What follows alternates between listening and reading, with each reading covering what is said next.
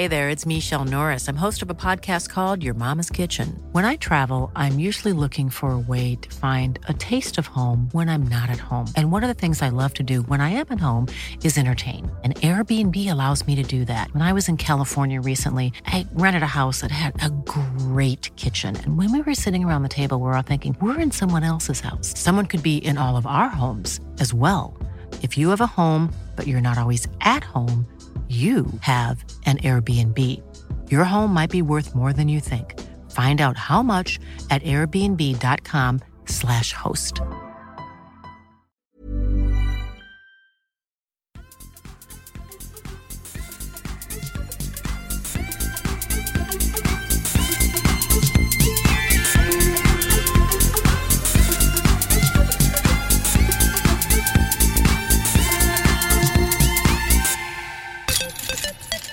Då är vi tillbaka Niklas. Du och jag i Kedja Ut, en podcast om discgolf. Hur mår du?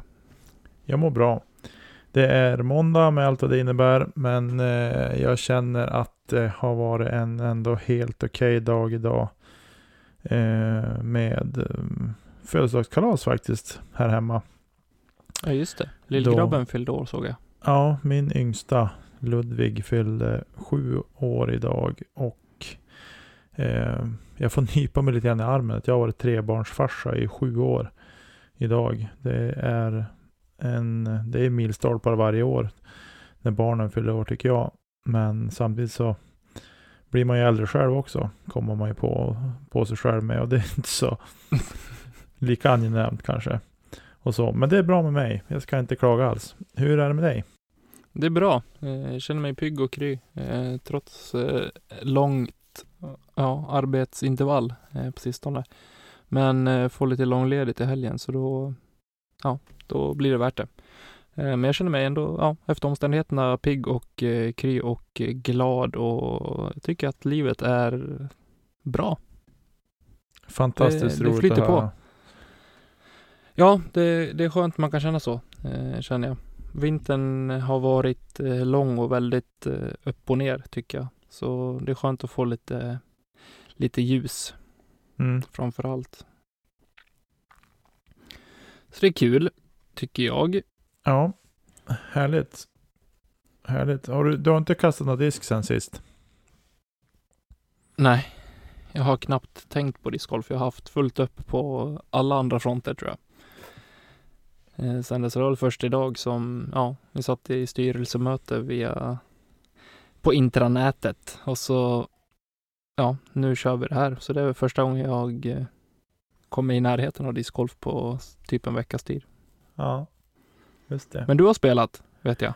Jag har spelat. Det vart ju dessvärre ingen pargolf som, tank, som det var tänkt.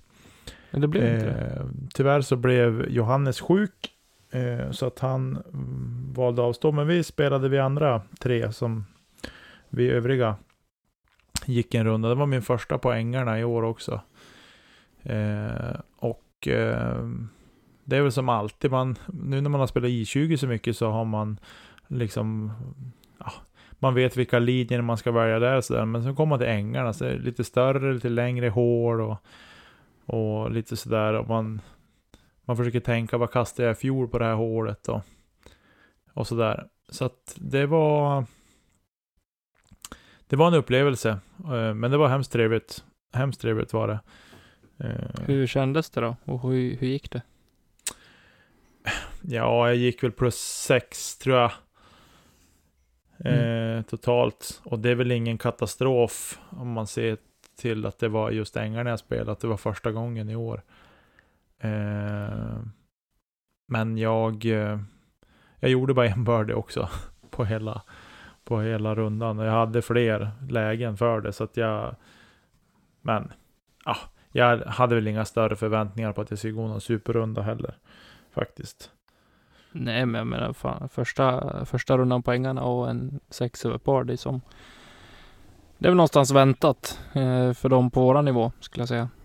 Ja, jo. Nej, det är väl att jag, jag hade väl större förhoppningar själv kanske innan, men man jag landade någonstans i att jag var där liksom för att umgås lika mycket med de jag spelade med som att försöka göra någon sorts score. Men man landar ganska snabbt i att man får ta det för vad det är. Det är första rundan på, på den större banan. Jo men Eh, definitivt. och sådär. Så att det är väl... Ja. Det blev vad det blev helt enkelt. Ja, men det är vackert så. Ja. Kan jag tycka. Gött. Vi har ju lite grann att gå igenom idag. Ja, vi Ja, har men så- ganska ett otippat eh, välfyllt program. Men jag tycker att det är våra lyssnare värda. För vi har ju inte haft eh, så väldigt välfyllda program senaste veckorna tyvärr. Eh, Nej, vi får försöka åtgärda det idag. Ja, så idag kanske blir det nog mest roligt ett lite längre avsnitt. Faktiskt. Och det lutar åt det i alla fall. Ja, precis. Ja, men du, då, då tänker jag att vi, vi dundrar vidare helt enkelt. Yes, och det spelades ju faktiskt discgolf i Karlstad i helgen. Eh, DG Events hade sin första deltävling i amatörtouren.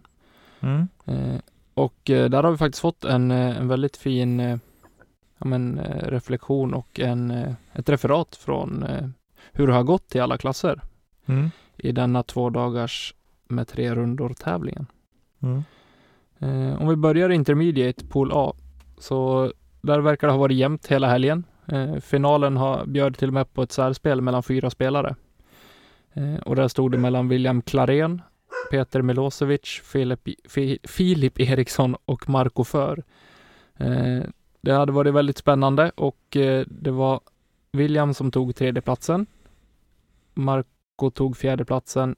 Filip Eriksson kom femma och Peter kom sexa. Eh, och vinsten gick till Robert Moberg och fyra kast bakom honom på en andra plats så fann vi Tobias Josefsson. Mm. Det måste Ja, varit det särspel om, om lägre... tredjeplatsen. Ja, om tredjeplatsen ja, precis. Så blev det. Så då får vi gratulera Robert Moberg till, eh, till vinsten och eh, Tobias till andra platsen samt eh, William till eh, tredjeplatsen. Ja, grattis till er på pallen. Eh, om vi hoppar vidare till Recreational som var i Pool B. Eh, så efter tre väldigt stabila runder så kunde man konstatera att Rasmus Christensen tog hem det i Recreational. Eh, men det var ändå väldigt jämnt där. Och eh, under första rundan så blev det också ett, ett ace på hål 15. Jag har ingen aning om det, hur det hålet ser ut. Eh, Det verkar vara ett dubbelman då i alla fall.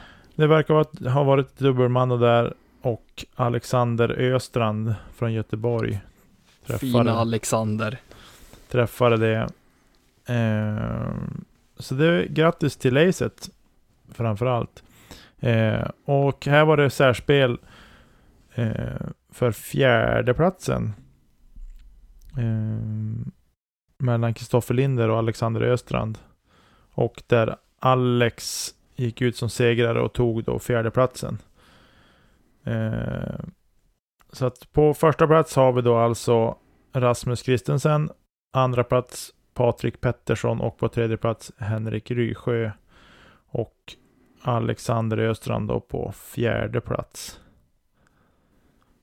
Stort grattis till er och eh, grattis Alex till eh, acet.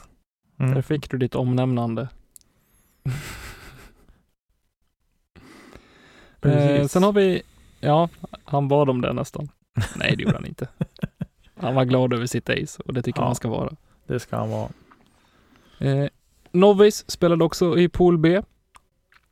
Och eh, där hade vi faktiskt eh, Elina Rydberg som eh, vi har fått det här referatet ifrån också. Var med och eh, spelade med herrarna i den klassen. Hon ville vara med och, ja, och, mäta sig med, med herrarna, vilket hon eh, gjorde med bravur. Hon skriver att efter en kanonstart på första rundan för Albin Hagström och Elina Rydberg på plus tre så låg de i delad ledning. Men andra rundan var det Patrik Holsten som stod för showen med en runda på minus ett. Eh, det gjorde att det var väldigt jämnt även här inför finalrundan. Albin höll ihop sitt spel hela rundan och drog ifrån resterande gruppen.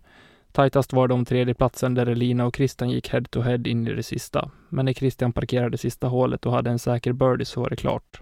Patrik höll ihop det och hamnade på en andra plats. Mm.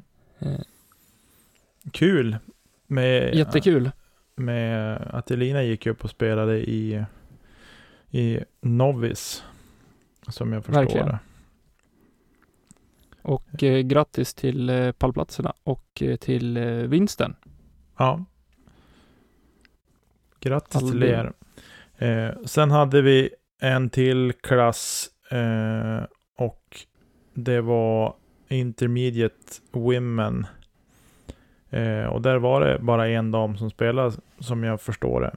Och det var Erika Frank. Och hon kunde ju avslappnat spela sig igenom hela helgen.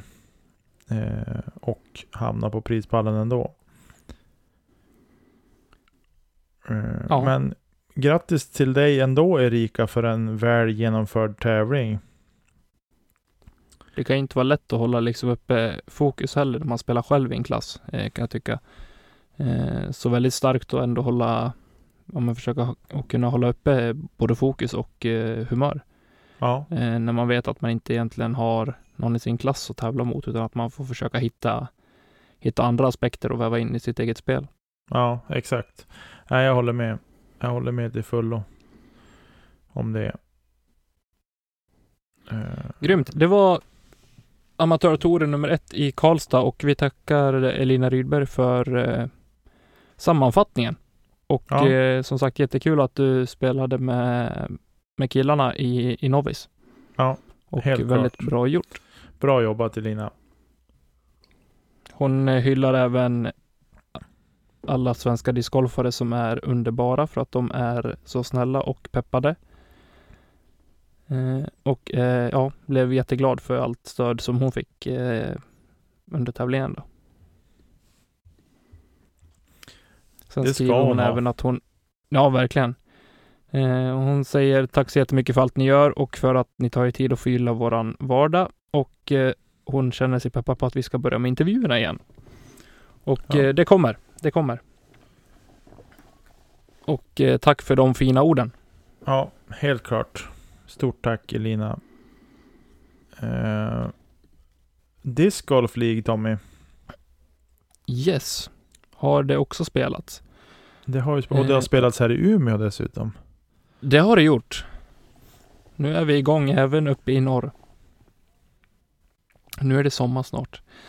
Eh, men jag tänkte att vi går igenom, jag kommer läsa från tråden på Facebook nu där rap- eh, resultaten rapporteras för att alla resultat stod inte i ordning så jag kommer inte riktigt ihåg vilka vi har gått igenom redan. Så jag kommer gå från, eh, från det som skrevs för en vecka sedan. Så det kan hända att jag missar någon, det kan hända att jag till och med dubblerar någon. Eh, men eh, i Falköping så spelade Rasmus Kristensen mot Claes Bad och vann med 9-1. Den känns det som att vi tog någon gång, men eh, så får det vara. Vad sa du, vilka namn var det vi hade? Rasmus Christensen och eh, Claes Bad i Falköping. Ja, kanske vi tog förra veckan. Ja, men kör vidare. Det blir en upprepning sen- om ett annat. Sen spelade Johannes Kronberggren mot Stefan Westerling i division 4 Borås och där vann Johannes med 10-3. I division 4 Borås spelade även Daniel J.L. Olofsson mot Rasmus Arvidsson och där tog Rasmus hem vinsten med 7-4. I division 2 Borås så spelade Daniel Robson mot Tommy Andersson och eh, Daniel vann med 7-4. Eh, Vänersborg i division 1. Anton Karlsson spelade mot Tobias Harala och eh, Anton tog hem vinsten med 11-2. Sen spelar också Johannes Kronberggren mot Daniel J.L. Olofsson i division 4 Borås och där vinner Daniel med 9-2. Mm. Eh, I Vänersborg division 1 så har Rickard Sköld spelat mot Simon Ivarsson och där vann Rickard med 13-2. Eh, I Borås division 3B så spelar Pekka Mustonen mot Björn Hansson och eh, Pekka vinner med 11-3. Falköping division 1 spelar Claes Bad mot Erik Mellgren och där vinner Erik Mellgren med 8-3. Eh, sen är det någon division 1. Simon Marxén i alla fall möter Anton Karlsson och vinner med 9-5. Eh, Vänersborg division 1. Simon Ivarsson möter Anders Fagermoen och den matchen slutar 5-5.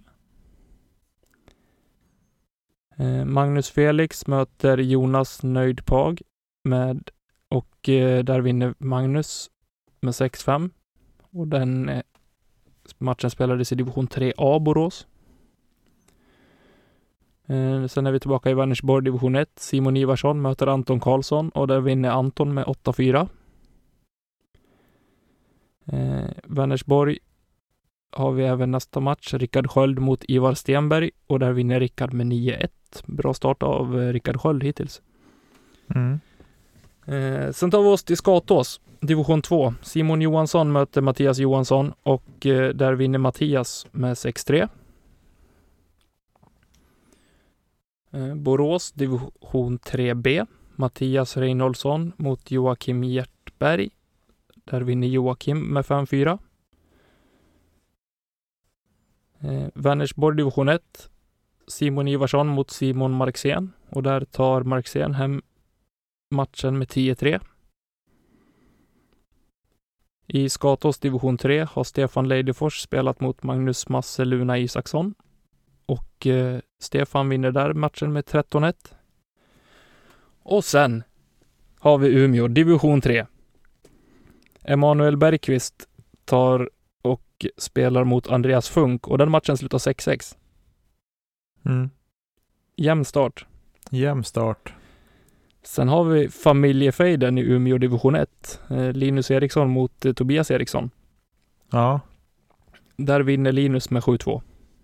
Är lillebror också med, undrar jag? Noah? Det vet jag faktiskt inte.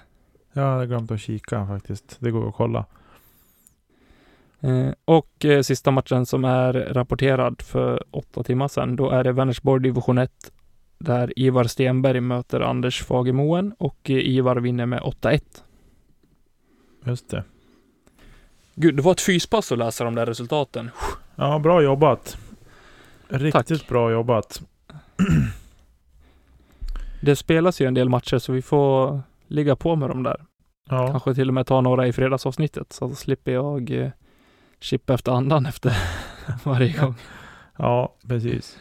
Nej, men bra jobbat. Eh, jag tänker att vi behöver inte köta så mycket mer där. Vi har inte så mycket att tillägga där egentligen. Mer än att nu är det igång på allvar och det börjar även röra på sig här uppe i norr. Vilket känns roligt. Såklart. Jättekul.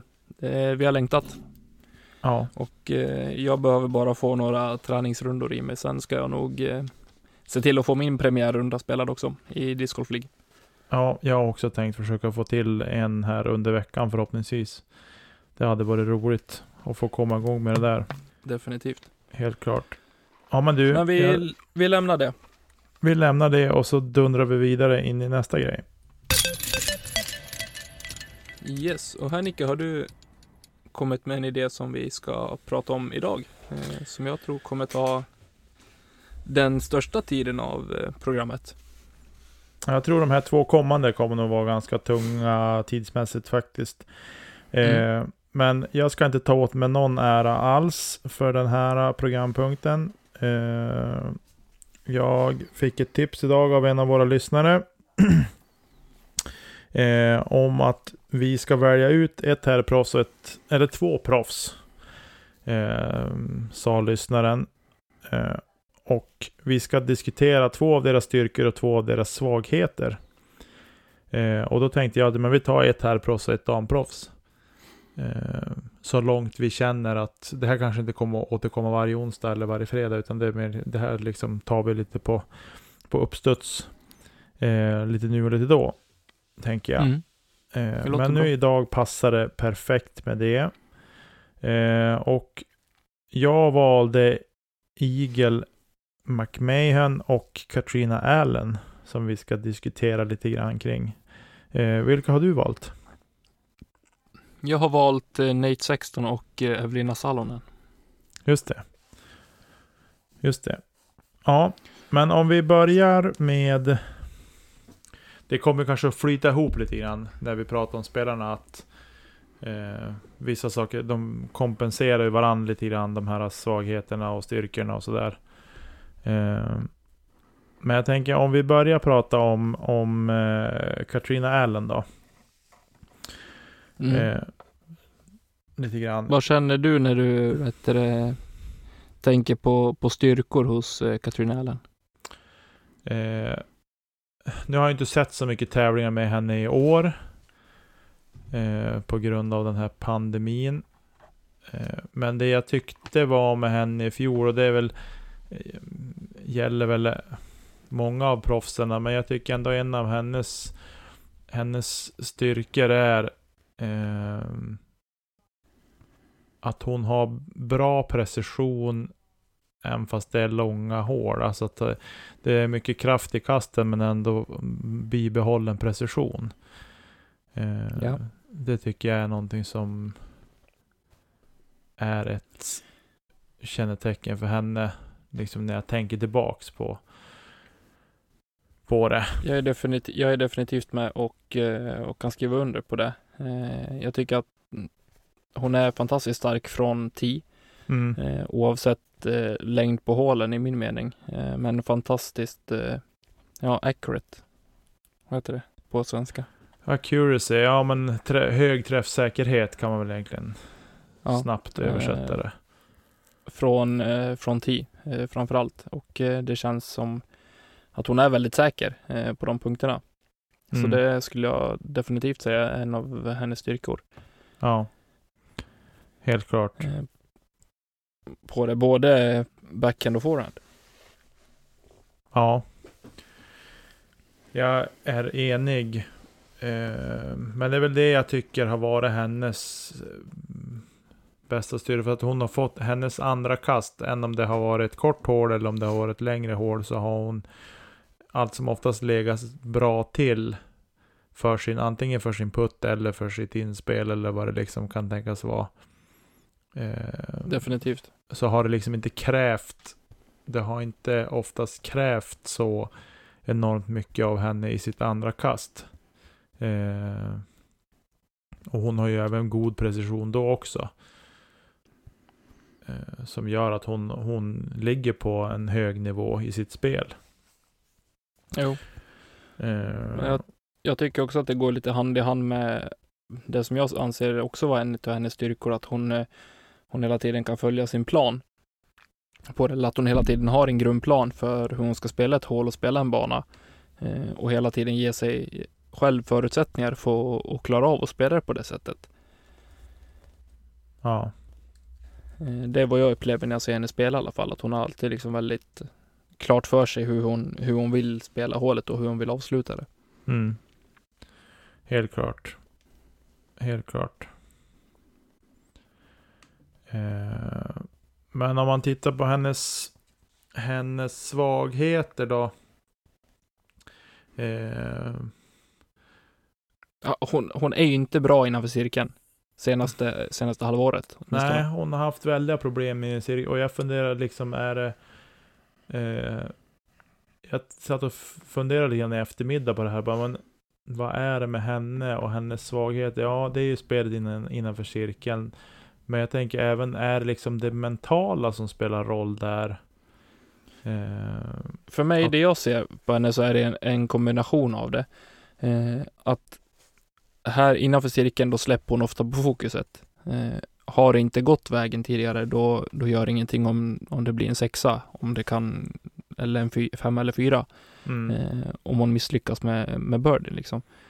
Eh, så då spelar det ingen roll, eh, är det som jag upplever när jag tittar på hennes eh, spel på det.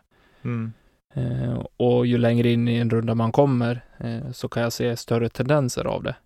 Att hon känner att hon kanske inte har mer att hämta på, på den som leder eller på den som, som ligger närmast henne scoremässigt. mm, Eh, så upplever jag ofta att det kan bli men lite lojt, lite nonchalant eh, på det och det syns oftast ganska tydligt innanför cirkeln. Sen kan det ju självklart vara så på fairway också, men för mig så syns det som sagt tydligast eh, innanför cirkeln. Ja, jag håller med. Jag tycker, jag vill minnas i fjol att det var någon tävling i fjol när hon hade på sig det. Hon har ju med sig så mycket grejer också. Det ser ut som att hon ska ut på någon tågluftning nästan. Eh, Det är stol och det är paraply och det är stor väska och det är handdukar och grejer. Eh, Men hon gick fram och hade på sig allting, bar på allting. Hade fram Mm. och så hade hon en, jag vet inte vad den var, tre och en halv meter, tre meter kanske. Och så missade hon. Det är liksom... Jo, jag kände väl framförallt under Las Vegas Challenge eh, i år eh, att hon, eh, det var en runda där det inte alls funkade innanför cirkeln framförallt. Eh, på den sen var det flera som hade jobbigt eh, på fairway också under en utav rundorna vad jag kommer ihåg. Eh, men jag minns tydligt att eh, Katrina hade väldiga problem innanför cirkeln och hon nämnde efteråt att det var mycket nervositet. Eh, det är första tävlingen. Eh, och det köper jag också, absolut. Men jag tycker att eh, som proffs också så behöver man kunna hålla ett fokus för att ska hålla hela vägen ut. Ja, ja, visst. Och jag tycker det där, visst att man, man har ju själv puttat med väska på ibland och missat någon gång sådär, men, men där kändes det som att det var liksom, det var bara ofokuserat. Rakt Ja. igenom. Eh, och framförallt på tävling så är jag ju, alltså jag skulle ligga liksom så att jag bara kan släppa disken i korgen. Då kan jag ha på mig väskan, men är det tre meter så nej, inte på tävling. Jag chansar aldrig. Men jag är ju i och för sig inte proffs heller, men, men, men ändå. Eh, men eh, ska vi lämna Katrina och hoppa vidare på... Ska vi ta damerna först, eller vad känner du? Jo, eh, det kan vi göra. Och om vi hoppar vidare på, på Evelina så lite grann samma, samma styrka som, som Katrina. Eh, väldigt säker från, eh, från tee, eh, skulle jag säga. Eh, Mm. Men framförallt på, på inspelen. Eh, hennes, eh, hennes andra kast är oftast väldigt, väldigt fina att se på och hon är väldigt, väldigt säker på dem i Mm. min mening. Och så kastar hon ju väldigt långt också. kastar. Det gör hon definitivt. Men framförallt är jag vet inte om det är så att hon planerar att, okej, självklart har hon en gameplan från början och, och planerar för sitt andra kast. Eh, Men jag upplever att hon oftast ligger väldigt fint eh, inför sitt andra kast, att hon aldrig har några större problem på sitt andra kast. Samtidigt som hon även har en väldigt hög scramble rate, att hon är väldigt duktig på att scrambla också, Mm.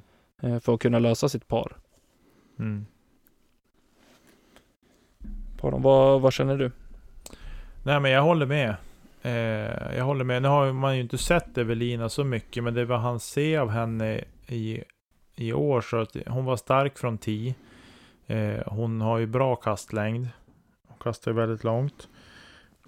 Eh, och jag tycker att hon har, hon har bra precision eh, överlag. Eh, precis som du sa. Mm.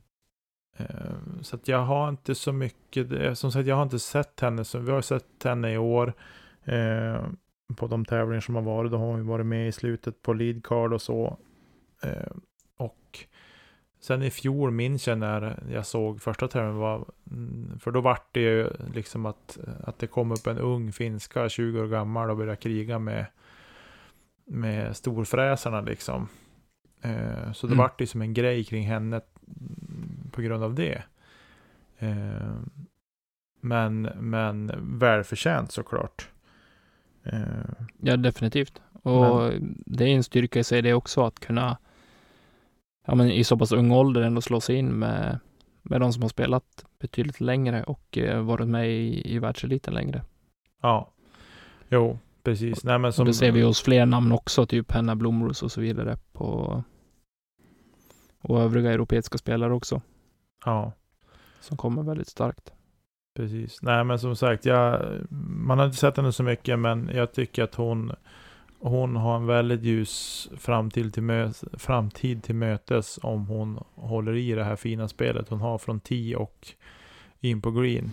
Eh, och om vi då tippar över på hennes svagheter så, så tänker jag att eh, det jag kan tänka kan bli en svaghet för henne, det är att hon är ung eh, nu. Tänker du på eh, erfarenheten? Ja, på erfarenheten tänker jag och om, om det går lite för fort.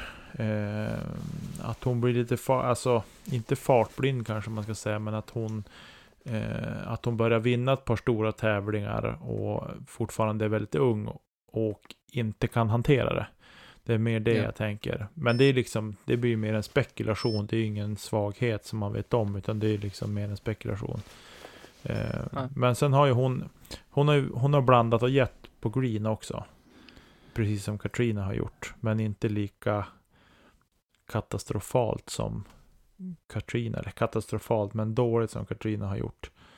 Nej. Eh, Det tycker jag Det inte. kommer lite grann till det, till det jag ville gå in på också. Eh, kanske går lite hand i hand med att hon är mer oerfaren än, eh, än de andra i världseliten också. Eh, men att hon är väldigt ojämn eh, mellan tävlingar och mellan, mellan rundor. Eh, det är sällan hon har ja, men gått väldigt, väldigt bra alla rundorna på en tävling. Eh, om jag inte minns helt fel nu. Eh, så har det varit ganska mycket spridda skurar resultatmässigt. Mm. Sen har det lyckats, och, eller hon har lyckats lösa ut det ändå.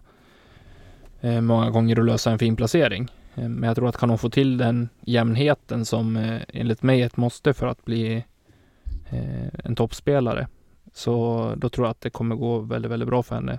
Och under lång tid också. Ja. Jo, nej jag tänker att kan hon... Men samtidigt så... Det är väl, ligger väl lite grann i blodet för, för, för folk från Finland. Att inte skena iväg mentalt. Eh, och Nej. få någon sorts hybris eller sådär.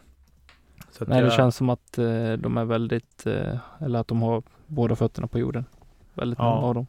Precis, att jag, jag, min spekulation tidigare eh, är ju helt och hållet åldersrelaterad. Jag tänker att hon, så att hon inte får hybris. och den- Hon är ju från rätt land när det kommer till att inte bli att det går för fort fram och går för bra för fort, Mm. så att säga. Det är väl det, det, är väl det jag känner eh, rent Ja. krasst kring henne Intressant, faktiskt. tycker jag. Ska vi hoppa på, på Nate 16 då? Ja, det När kan vi vi ändå var inne på, på ålder och erfarenhet eh, så är väl det helt tvärtom eh, vad gäller Nate. Ja, han har ju och, eh, erfarenhet om någon.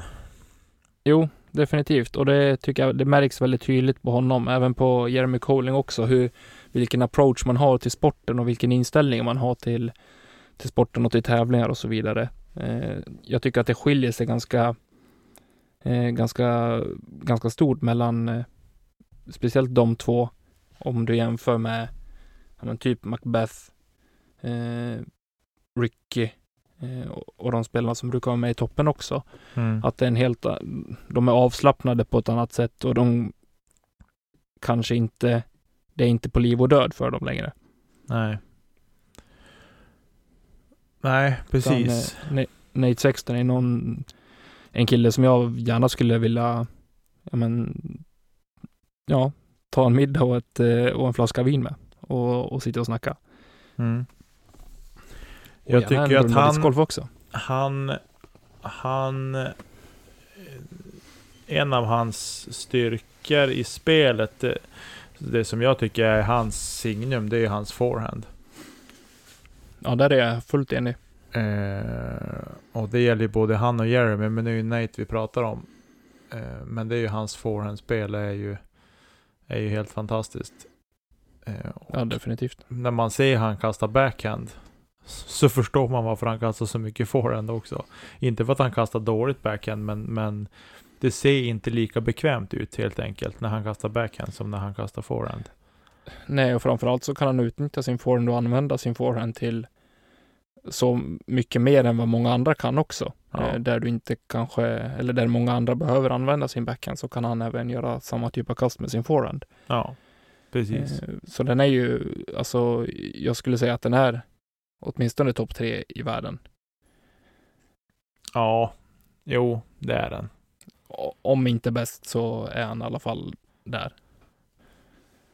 Det är lite Eh, dagsformen den- där som tror jag avgör vem som kniper första platsen. Eh, Jo, men jag tror han har ju sällan en dålig dag eh, med sin forehand. ja, nej. Utan det jag tycker man ser mer som är upp och ner för honom, det är också hans puttning. Jag tror att vi kommer återkomma till det ganska mycket vad gäller svagheter mellan olika spelare. Mm. Eh, men, men hans puttning, när den stämmer, då blir det som i Las Vegas, då går han och vinner. För då Mm. puttar han väldigt, väldigt bra. Mm. Eh, och jag tycker att det är en fröjd att se honom putta också när det går bra. För det, då sitter allt Mm. eh, när han väl har de dagarna. Ja. Nej, jag håller med. Men det som det jag skulle komma till kanske är hans svaghet. Det är inte främst på, på green, utan det är nog mer det vi nämnde lite nyss. Det är hans backhand. Ja. Eh, jag tror att eh, på de här banorna där det blir längre hål och sådär. Eh, så blir det en last för honom att han inte har en, en bra eh, backhand. Eller Ja. bra, den är ju bra, men den är ju inte så bra som den skulle kunna vara. Nej. Nej, men jag förstår hur du menar. Ehm, faktiskt. Men det är ju... jag tyckte det känns ju märkligt. Vi har, man har tillgång till så mycket, mycket mm, tävlingar på Youtube, men man har ju sett allting. Ehm, så där, så att nu har man inte sett tävlingar på länge, så det är som svårt att ha färska minnen av dem också, spelarna känner jag. Men som just kring Nate, är det någonting jag skulle säga är en svaghet för honom så är det nog hans backhandspel ändå. Ja. Ehm, faktiskt. Men Hur mycket bättre tror du han hade varit om han hade haft eh, en lika bra backhand som han har forehand? jag tror att det skulle nog göra en 5-6 placeringar. Minst. Mm. Det tror jag faktiskt. Ja, Eh, varför inte? Och han skulle nog definitivt vara ett större hot eh, på VM och på eh, USTGC och sådär. Faktiskt, det tror jag. Nu har han ju vunnit, nu har han väl vunnit USTGC något år va? Har jag för mig. Han har svagt minne av. Eh, men eh, jag tror att det skulle nog göra skillnad för honom. Faktiskt. Ja, jag är beredd att hålla med. Helt klart. Eh, Jag måste dubbelkolla om han har vunnit just DGC. Alltså jag är som lur på att han har det. Vågar du sätta emot om jag säger att han inte har det? Jo, 2017. Det stämmer. Och han vann även junior-VM 2003. Då har han en världsmästartitel också. Du ser. Ja. Det hade jag faktiskt inte koll på. Men ska vi hoppa till en kanske blivande världsmästare då? Ja, Eagle McMahon. Eagle McMahon. Ja, han är ju, han har ju... Han har ju massor med styrkor. Eh, forehand, Precis. Du backhand. han, han har ju väldigt många styrkor, men du måste välja två. Som du tycker, alltså de här två styrkorna är han absolut bäst på. Det här är två styrkor som jag skulle vilja ha i mitt spel. ja, om jag får välja någonting av honom så är det ju forehand och puttningen. Tveklöst. Du är ju Eh, Mr Forehand. Men det är ju det är nog de två som jag tror gör att han är där han är. Det är att han, han, hans backhand är ju också fantastisk. Eh, Ja. Och vi vet ju att han kastar väldigt, väldigt, väldigt långt med backhand. Och han kastar ju väldigt, väldigt, väldigt långt med forehand också. Och därför så känns Men det som att den... Han är ju så allsidig. Ja, han har ju liksom alla, han har ju alla eh, kasten i sig. Eh, långa längden har han ju, både forehand och backhand. Eh, puttningen är ju helt magisk. Eh, emellanåt. Visst, han har också dåliga dagar när ingenting går i och han har även väldigt bra dagar när allt går i. Eh, när han sätter de här 18-19 meters putterna och det ser ut som att han Mm. puttar från 7 meter. Eh, sådär. Så att det, det var, jag satt och klurade liksom, vad har han för svagheter? Men jag tror att hans svaghet är det mentala. Eh, faktiskt, om jag ska hitta någonting. Så tror jag att det är den mentala som är den största lasten för honom. Ja. Jag tror att han är en sån person som grämer sig väldigt, eller inte väldigt länge, men alltså att han grämer sig länge efter en, en dålig tävling. Eh, har jag fått känslan av. Ja, men jag tror att han har svårt, jag tror att han, jag kan uppleva, det är inte, det är inte ofta han spelar dåligt, men de gånger det går, studsar lite emot, så upplevs det som att det håller i sig, kan hålla i sig under en runda. Att han gör någon boogie mm, på slarv. Ja. Eh, och så kan det bli ett par, par hål efteråt som det är par eller någon boogie till och liksom fastnat det hål som han utan problem skulle göra birdie på om han liksom bara lyckas landa mentalt på något sätt. Eh, Han svårt att studsa tillbaka på rätt sida igen. men han studsar tillbaka lite för sent. Att det hinner gå Mm. två, tre hål och då kan det vara tre, fyra kast mot de andra som han tävlar mot. Ja. Eh, Det är väl så jag tänker, så det är väl där hans svar, för han har ju alla kasten i sig. Han är ju otroligt komplett så. Eh, Ja, ja. Gud ja. Det är ju, alltså Det- jämförelse. Det är en fantastisk spelare att titta på. Ja, men jag menar han är ju liksom en... Han går ju lite grann i Paul Macbeths fotspår på något sätt känns det som. Att han har bredden kastmässigt och sådär. Eh, men det är det mentala som måste hållas ihop för honom. Men han är ju också ung. Mm. Ja, han är inte lastgammal. Han är väl 21 eller om han nyss har fyllt 22 eller hur det är. Eh, eller Någonstans där kring. han kanske till och med har hunnit bli lite äldre. Till och med. Jag tror att han är född 97. Vi ska Men jag ska låta det vara osagt. Jag ska inte sitta och ljuga utan att jag vet. 98 är han född, så han fyller 22 Ja. i år. Eh, Ja, då har han några år kvar också. ja, han har ju ett par år kvar innan han ska vara i sin prime. Rent krasst så om man... Eh, så att jag känner, jag känner absolut noll och ingen oro för, eh, för honom.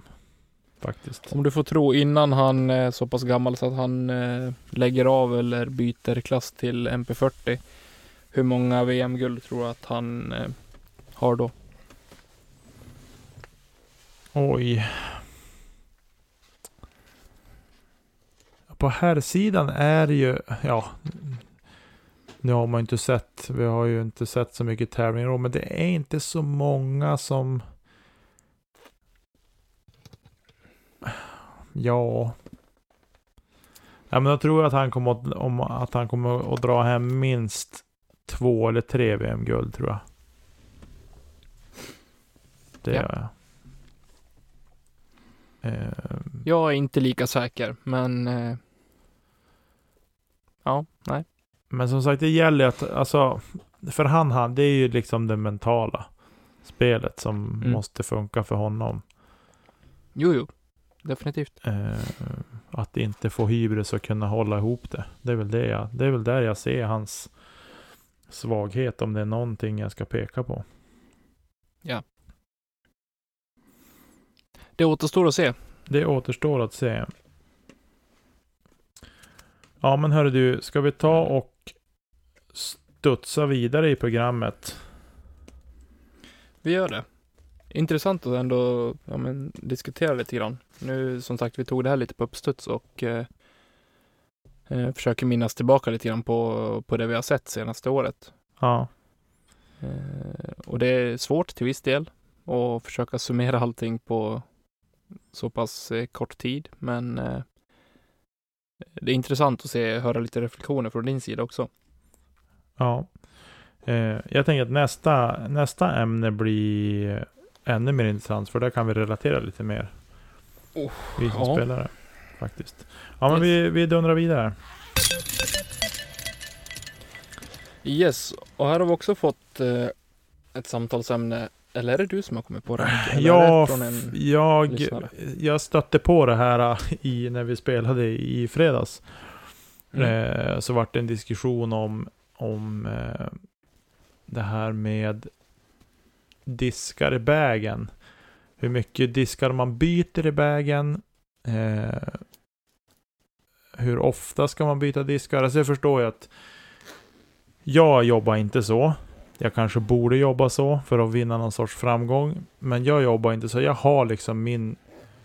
Jag har en basuppsättning diskar i min bag. Sen byter jag någon disk liksom så där beroende på vilken bana jag ska fara till och spela till. Eller ta med mig diskarna i alla fall. Ja. Eh, så att jag kan byta. Men sen försöker jag liksom, jag... Jag försöker inte byta så mycket diskar i bagen varje år. Det är klart, kastar jag bort en disk, att den försvinner i någon eh, sjö eller vad det kan tänkas vara. Det är klart att en sån, en sån disk måste jag ersätta. Men... Jag köper Men om jag inte ställer en- frågan till dig att om jag ställer frågan till dig, kastar du alla diskar som du har i bagen? Sett över hela säsongen, ja. Men inte på varje runda. Definitivt inte. Nej. Det gör jag inte. Så det är klart att jag går omkring och bär på en massa diskar som jag inte använder. Men... Ja. Det har bara blivit så. Jo, men då, det här tror jag är högst individuellt också. Eh, men jag ser ju spelare som har 30-35 diskar i bagen men kastar en tiondel av dem typ. Inte riktigt så lite kanske, men eh, som kastar väldigt få av dem. Sen ser jag de som går runt kanske med 10-12 diskar eh, och är väldigt duktiga på att kasta just dem och kan göra betydligt mer med färre diskar än vad, vad jag kan med, Mm. med många. Mm. Eh, sen rätt eller fel, ja det får nog varje, varje spelare svara lite grann för sig. Eh, men för mig är det jätteviktigt att känna sig trygg med det man har i bagen och veta att stöter jag på en situation så vill jag kunna göra det bästa möjliga av det utifrån vad jag har i bagen och utifrån vad jag kan som spelare självklart. Jo, men det var det jag ville komma till. Att varför, varför är det sån omsättning på diskar i bagen? Det är det jag ställer mig lite frågan till. Jag, tror att det är det hos alla. Nej, inte hos alla, absolut inte. Det vet jag att det inte är. Men jag, anledningen till att jag ställer frågan var diskussionen ja men det är kul att byta diskar, det är kul att testa något nytt. Eh, men jag vill säga, ja, men det är ju jätteroligt också att lära sig sina diskar som man har i bagen. Ja. Och veta att om jag tar, om jag tar upp min kompass till exempel. Ja. Eh, nu har jag två i min bag. Eh, en är lite mer inspelad än den andra. Eh, och därav blir den lite mer understabil kanske än den andra har som är lite nyare.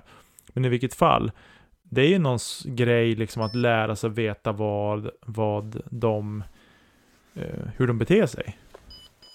Ja. Och jag menar, har man, nu vet inte jag exakt hur många diskar jag har i min bag. Eh, men jag kanske har 20 bi- diskar eller 22 eller något sånt där i min bag. Med putters. Eh, Ja. Så blir det så, när jag plockar upp en disk, ja men nu känner jag att det är den här disken jag ska kasta från det här läget, om jag är ute på ett hål till exempel. Eh, så vill jag liksom känna mig trygg i det valet, inte stå där, ja men hur var den här flög när jag testkastade den här häromdagen? Den är ju helt ny den här disken. Alltså förstår du, stöta på det på tävling, det skulle kännas jättekonstigt. I alla fall för mig. Ja, det hade varit hemskt, absolut. Eh, Det köper jag. det är det jag- Personligen gör jag så.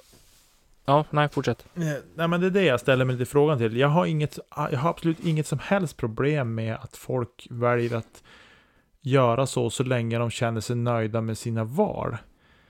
Nej. Men jag ställer mig fortfarande lite frågande till varför. Eh, är det liksom bara Sen grejen vända, att köpa jag kan vända på det där. Ja, men jag kan vända på det där också att eh, det finns ju vissa som alltid har glömt sin favoritdisk hemma också. Ja. Jo, så kan Kommer det man upp också till vara. hål och så går det åt helskotta och så, nej, satan, hade jag haft min favoritdisk då hade det gått bra. Ja. Ja men det är ju också någonting som är farligt att man under rundan liksom säger men nu kanske jag ska testa den här disken. Man har liksom en grundplan som man vet att eh, ja men det här brukar jag kasta här och det brukar ha gått bra. Ja.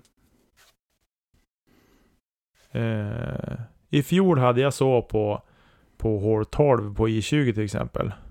då visste jag att, då tog jag min Caltrop och kastade den och det gick bra.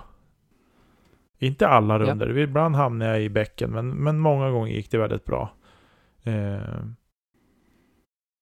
och då blir det liksom så här, men nu i år när jag inte har den i vägen eh, så har jag en annan disk som jag, som jag väljer att kasta med.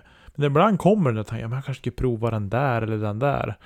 Och så hela tiden, från det att jag ställer mig på 10 och ska göra mitt, och liksom för, förberedelsen inför mitt kast, så står jag har jag valt rätt disk? Det är det som tar upp min tankeverksamhet.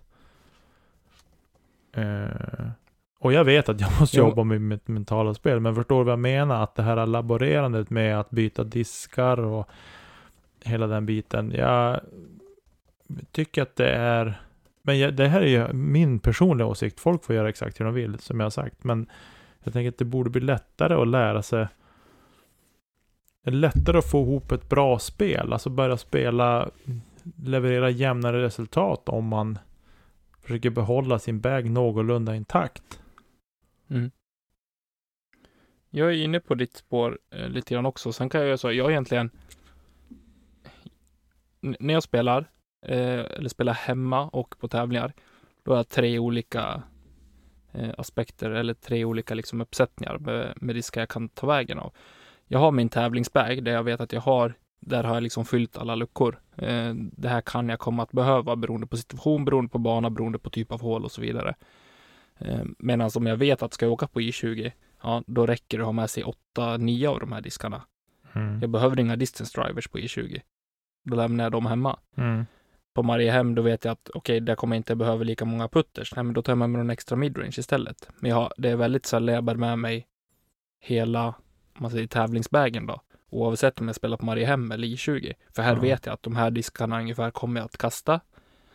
Och åker jag iväg på tävling, nej men då tar jag med mig tävlingsbägen och då har jag liksom fullt slott i, i bägen också. Ja. Men när det kommer till att testa nya diskar och så vidare, det gör jag ju mer än gärna. Jag, eh, alltså släpper Prodigy något nytt, då, då testar jag oftast det. Mm. Och eh, om man ser hur det känns. Sen ofta då kanske inte, då känner jag att nej, men det här är ingenting som kommer göra mig bättre. Det är ingenting som kommer, eh, som kommer fylla någonting i min bag, för jag har redan diskar som jag känner bättre, som jag trivs bättre med, som gör samma sak. Och då får de diskarna liksom flytta på sig. ja. Alltså jag... Och Så det är jag väldigt sällan jag sätter ner en ny modell i bagen. Ja, men så jag har inget problem med att, alltså jag testar också gärna nya diskar. Eh, och sådär. Men de tar ju inte direkt en självklar plats i min bag. Bara för att jag kastar dem fem gånger på ett öppet fält. Och tycker att ja men den här flyger ju helt okej. Eller jaha den gör så där den här disken. Eller ja förstår du. Eh, Yes. Men jag känner ändå att jag vill liksom nöta in den där disken på ett par träningsrunder innan liksom jag känner att ja, men jag har förtroende för den och liksom känner ja men nu, nu har den gjort sig förtjänt av en plats i min bag. Eh, Jo. Och så kan jag göra när jag har, alltså, har jag tid och liksom går en casual-runda, helst själv liksom. Eh, då kan jag kasta ja, men, den disk jag brukar och så okej, då har jag en ny disk med mig. Ja, men då testar jag kasta den på det här hålet, så testar jag kasta den på nästa hål. Mm, Att jag kanske har en eller två nya diskar som jag inte kastat förut, som jag testar i princip på varje hål. Alltså, Mm. och tänker vad kan det vara för disk? Vad kan den göra för mig? Och vad är den bättre än någonting annat jag har för Mm. mig? mm, Eh, Men oftast så blir det inte så. För att Nej. jag har så, skapat så pass mycket tillit till de diskarna jag har. Visst, jag kan byta ut någon enstaka drivers och sådär till någon, någonting som är lite mer inslitet och någonting som är lite mer överstabilt eller någonting som är flippigare och så vidare. ja, Eh, Men allting beroende på känsla och då handlar det oftast om samma modell som jag redan har. mm. Precis. Ja, nej men som sagt, jag... eh, Jag är inte den som eh, byter så mycket i min bag. Nu har jag i och för sig bytt putter i år. Ja, den såg faktiskt inte jag komma. Eh, nej, inte jag heller. Men sen vart det så ändå. Jag kände att jag ville göra någon förändring ändå. Eh, Nu har du ändå haft nya putten ett tag. Hur, hur känns det nu? Och putta med så känns den bra för jag kan inte skylla missarna på, på disken. Eh, utan det är mer liksom min rörelse, min känsla när jag puttar. Eh, så att det, den, det har jag ingenting, just när jag puttar med den har jag ingenting. Men däremot är den väldigt speciell att kasta med. Eh, Okej. nu när jag har stått och kört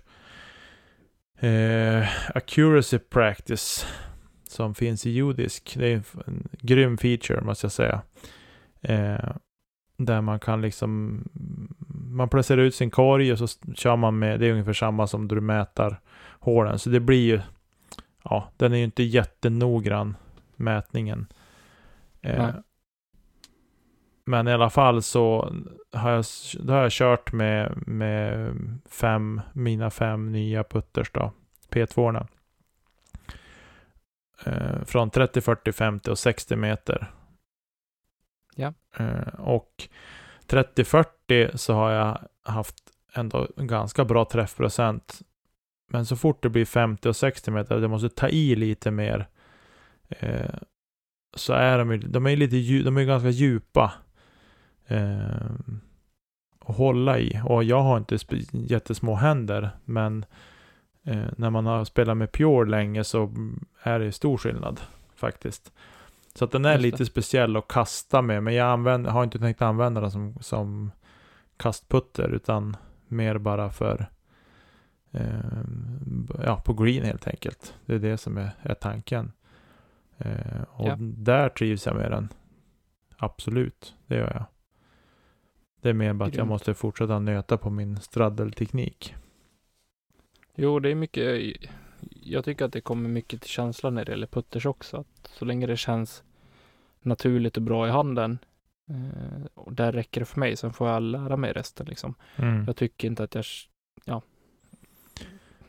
Nej, jag håller med. Det, det är viktigt att ha rätt känsla för mig i alla fall. Ja, helt klart är det så.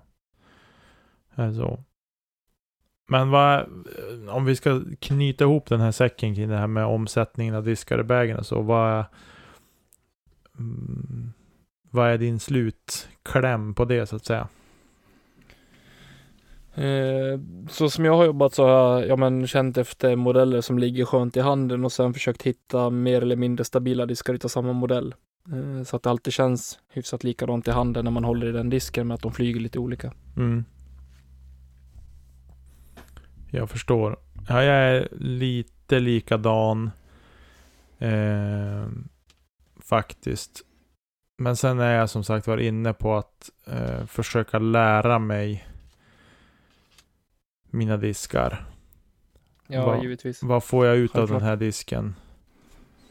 Eh, och Det- sen är det så här också. Jag spelar ju långt ifrån lika mycket som väldigt många gör. Så jag kan förstå att kanske andra har mycket högre omsättning på diskar i sina bägar än vad jag har.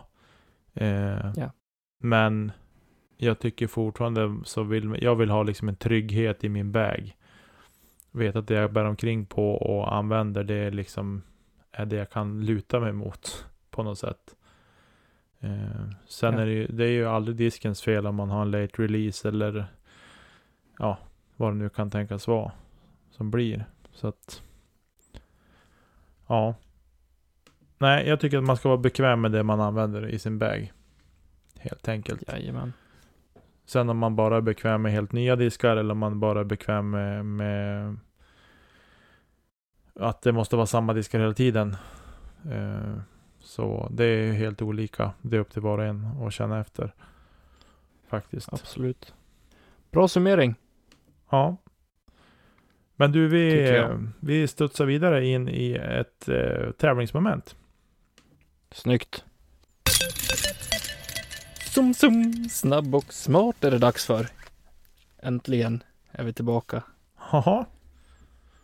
Jag tycker att det här var ett väldigt roligt koncept som jag själv kom på, så det tar jag åt mig äran för.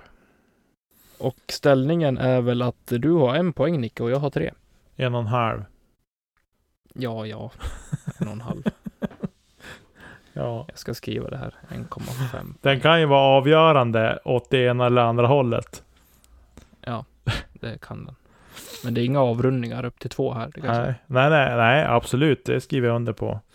Det skriver jag under på. Men du, jag tror att det är, det var... Det var jag... Var det du som började? för- Du började gissa förra gången. Började du, bör- du började gissa förra gången?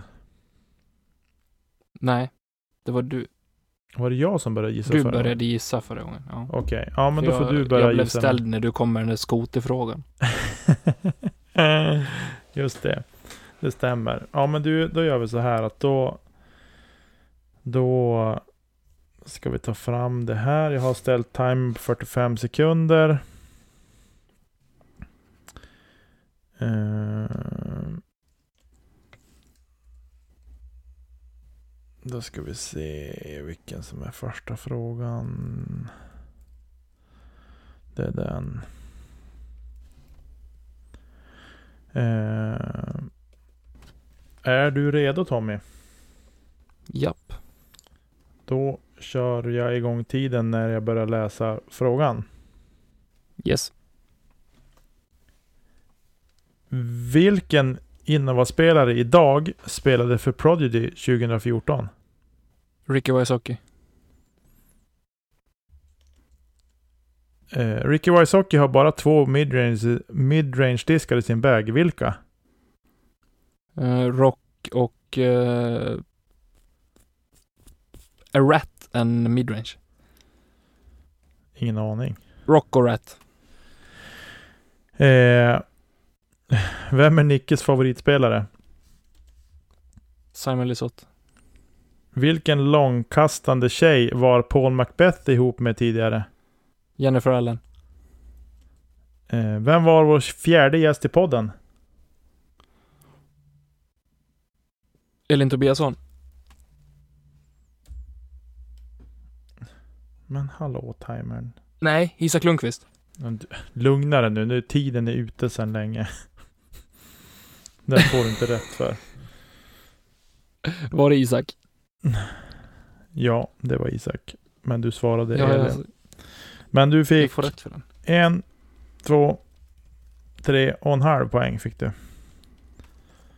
En halv? Mm, Ricky har, har ju bara två och han har en Casey Pro Rock och en Rancho Star Rock. Och ska tilläggas att jag har inte sett hans innebag. Jag var inne och kollade på den här uh, profilsidan de har på Innova. Där stod det så. Jag var lite chockad att han hade bara två, men å andra sidan kom han på sig själv att men de kastar så vansinnigt långt. Han har behöver säkert inte ha fler. något annat. Den där, den där ska jag ta vidare. Ja, Den är jag sjukt skeptisk till. Ja, nej men eh, jag är nöjd. bra.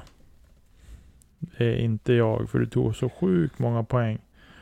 Nu har ju du Så alltså då får jag sex och en halv 6,5 totalt alltså. poäng totalt. Det betyder att jag måste ju börja leverera nu och nu har väl du någon så här. Vad hette gamle spelaren med PDG nummer två? Lafonte. Kommer mycket pass idag känner jag. Nej då. Jag startar tiden Niklas när jag börjar läsa första frågan. Kör! Hur många EM-titlar har Seppo Pajo? Tre. Vilket banpar har Järvas 27-håls slinga röd tee blå korgplacering? Eh, 74. Hur långt är svart hål 1 par 6 på discgolfterminalen? Hur långt? Japp. 256. Hur många hål har vi att spela totalt i Umeå main sträckning? Eh, mainsträckningen. Eh, Mm. 36. Vilken plats kom I20 på jordisk mest populära banor i världen tw- 2019? Plats 5. Ja, tiden är ute. Hur tror du att det gick? Jag säger noll rätt. Eh, det är korrekt. Med lite modifikation skulle jag säga. Jag sa ju main sträckning på eh, på banorna i Umeå. Då har jag räknat med svarta. Ja, men det... Ja, okej då. Åh, det är så tröttsamt och du i dina kryptiska... Men du får en halv poäng för det, på riktigt. Jag Ja. visste att den, jag var förberedd på att den skulle bli ja, diskutabel. Men du, i Annars 20 har- mest spelade, hoppar de inte bara upp en placering? Plats nummer sex kom den på. Det var det 2018? 2019. Ja, 20, ja, kanske det var. Den är i alla fall på, kvar på sexan. Oavsett. Jaha. Jag hade för mig att han hoppade upp en placering till 2019, men okej då. Hur, ja, 45 hål har vi spelat i Umeå. Hål 1, svart slinga av discgolfterminalen, 350 meter. Är det 350? Yes. Banpar på Järvas 27 hålslinga, röd 10 blå korvplacering 88. Och eh, Seppo Pajo har två EM guld. Ja. Det här tävlingsmomenten är ju inte min grej. Jo då. Det kommer bli. Nej. Jag vet att du kommer ha rätt på nästa fråga. Om du klarar 10 frågor nästa vecka, då kommer du få minst ett rätt. Det känns bra. 10 procent. Det är bra. Japp. Det är bra. Det är grymt. Ja. ja. Men då, då leder jag Nicke. Med råge. 6,5 mot 2. Ja. Det är Men för på fredag är dåligt. Isa-proffset och då, eh, då vet vi att det kan vända. Jag är skeptisk. Ja. Nej, du är duktig på det. Nja. Det var väl en sann modifikation. Ja men du, vi, ehm, vi hoppar vidare till slutklämmen. Kan vi göra. Bra jobbat.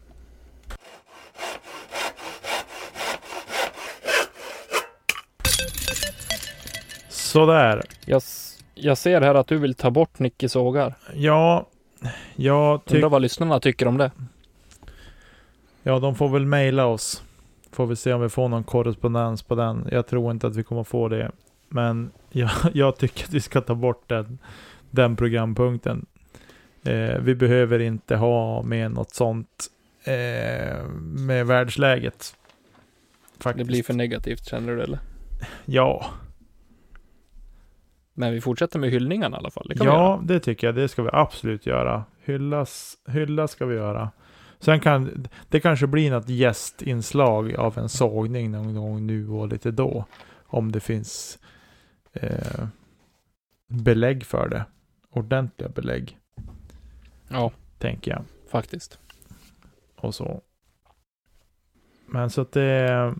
Och hyllningen har, flyttar vi till, till eh, fredagsavsnitten. Också. Jag har, jag har en eh, spontan hyllning. Ja, kör. Det är en, en, en annan podd faktiskt. Eh, med Erik Niva som eh, huvudhost. Eh, When We Were Kings. Ja, den är så Den är fantastisk. helt fantastisk. Ja, den är fantastiskt bra.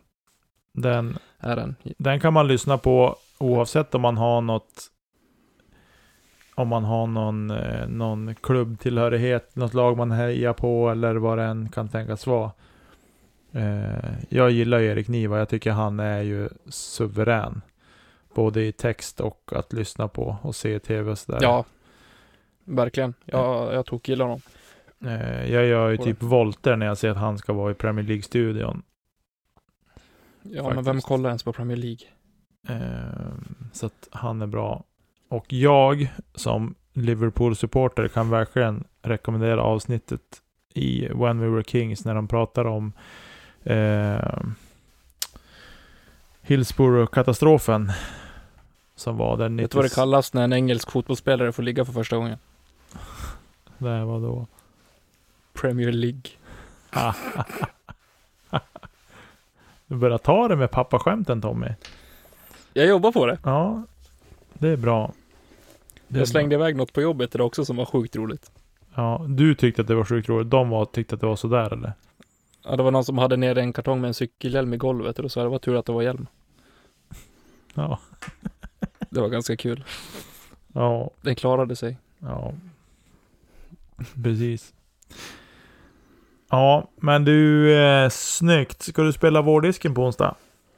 Jag tror inte det faktiskt. Va? Ja, nej, jag vet.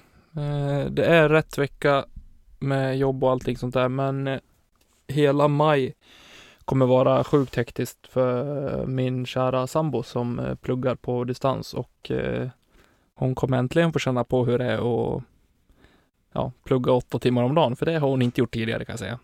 Nej. Jag tror att de, de hade nog, ja, det var någon bok som skulle läsas ut till på måndag och så är det två stycken inlämningsuppgifter och så massa quiz och grejer och så ska de starta något grupparbete. Eh, Så det är ytterst eh, tveksamt om jag kommer spela, men däremot så kommer jag nog ge mig ut och eh, rodda lite grann på, på banan på kvällen när dottern har lagt sig och sovit. Ja. Jag förstår. Nej, men det är rätt prioritering. Familjen går alltid först. Det måste man lära sig. Eh, Ja, det säger jag till henne i alla fall. ja. Nej, men det är bra. Jag, jag har full förståelse för, för valet och så. Det är trots Jo. allt bara discgolf. Men man ska aldrig säga aldrig. Jag kanske står där på, på onsdag klockan sex i alla fall. Ja, jag har tänkt försöka lira. Vi får se om det blir, blir av eller inte. Det beror lite grann på hur vi får ihop det med alla barnen och, och hela den biten. Yes. Familjepusslet när det är som bäst. Ja, exakt. Jag har längtat efter att få säga så. Ja. Men en sak innan vi, innan vi verkligen avrundar det här på riktigt. Det är att jag vill Ja, verkligen till Discord Sverige eh, pusha för den här accuracy eh, practice. Alltså träffsäkerhetsträningen. Lite rakt översatt. Eh, som finns i judisk nu. Eh, Den finns i jordisk alltså? Ja, ja, visst. Visst. Absolut. Snyggt. Det visste inte jag. Eh, den finns där längst nere i judiskappen till höger där man kan trycka på more. Eh, där, man även, där man kan ta sig till judisk live. Eh, man kan ta sig till eh, där du kan mäta dina kast. Eh, och, så, och så vidare. Där under finns det en accuracy practice heter den. Och så finns det short, eh, middle och long tror jag. Eh, Grymt. Det ska jag testa. det, absolut, och jag tycker att alla ska testa den. Eh, man behöver egentligen inte ha mer än fem diskar, en korg eller ett träd eller vad som helst funkar ju just i i den där övningen att kasta mot. Eh, och den, som sagt, den är ju sådär med avståndsbedömningen. Eh, har man ett långt måttband så rekommenderar jag nog det hellre före. Eh, Men jordiska är bra på att mäta längd, det har vi varit med om förut. ja, du, du tycker att det är en bra... En bra... Jag älskar att mäta avstånd med jordisk. Ja. Nej men i alla fall så. ehm, det är verkligen ett, ett ehm, tips till er om ni vill ha någon träningsmoment. En annat träningsmoment än att bara stå och putta eller stå och kasta långt på en, på en ranch. Så kan jag varmt rekommendera. Jag tycker att den är suverän och man får ihop en score där också så att man kan ju tävla mot sig själv. Lite grann. Eh, Tävling är alltid kul Nicke, oavsett om det är mot sig själv eller mot någon annan. Ja, jag är inte riktigt enig, men jag förstår vad du menar. Eh, Vad bra. Ja. Ska vi gå ut på de orden? Vi går ut på de orden. Tack Marcus Linde för jinglar och hela det köret. Eh, lyssnare, Patreons, allihopa. Eh, ha en fin vecka. Tommy, vi kastar inte kedja ut. Ha det gott allesammans. Ses på fredag. Så syns vi på fredag. Hej då! Puss på er. Hej då.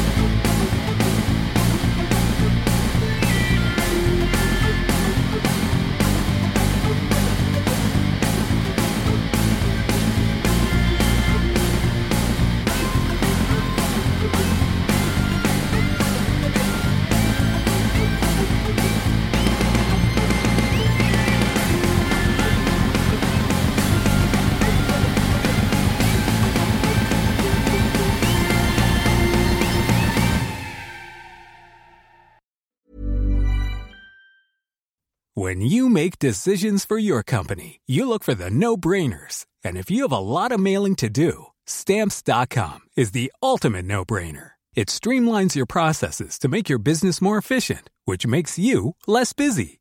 Mail checks, invoices, legal documents, and everything you need to keep your business running with stamps.com. Seamlessly connect with every major marketplace and shopping cart. Schedule package pickups and see your cheapest and fastest shipping options from different carriers with rates up to 89% off USPS and UPS rates. And with the Stamps.com mobile app, you can take care of mailing and shipping wherever you are. Make the same no-brainer decision as over 1 million other businesses with Stamps.com. Sign up with Code PROGRAM for a four-week trial, plus free postage and a free digital scale. No long-term commitments or contracts. That's Stamps.com. Code PROGRAM.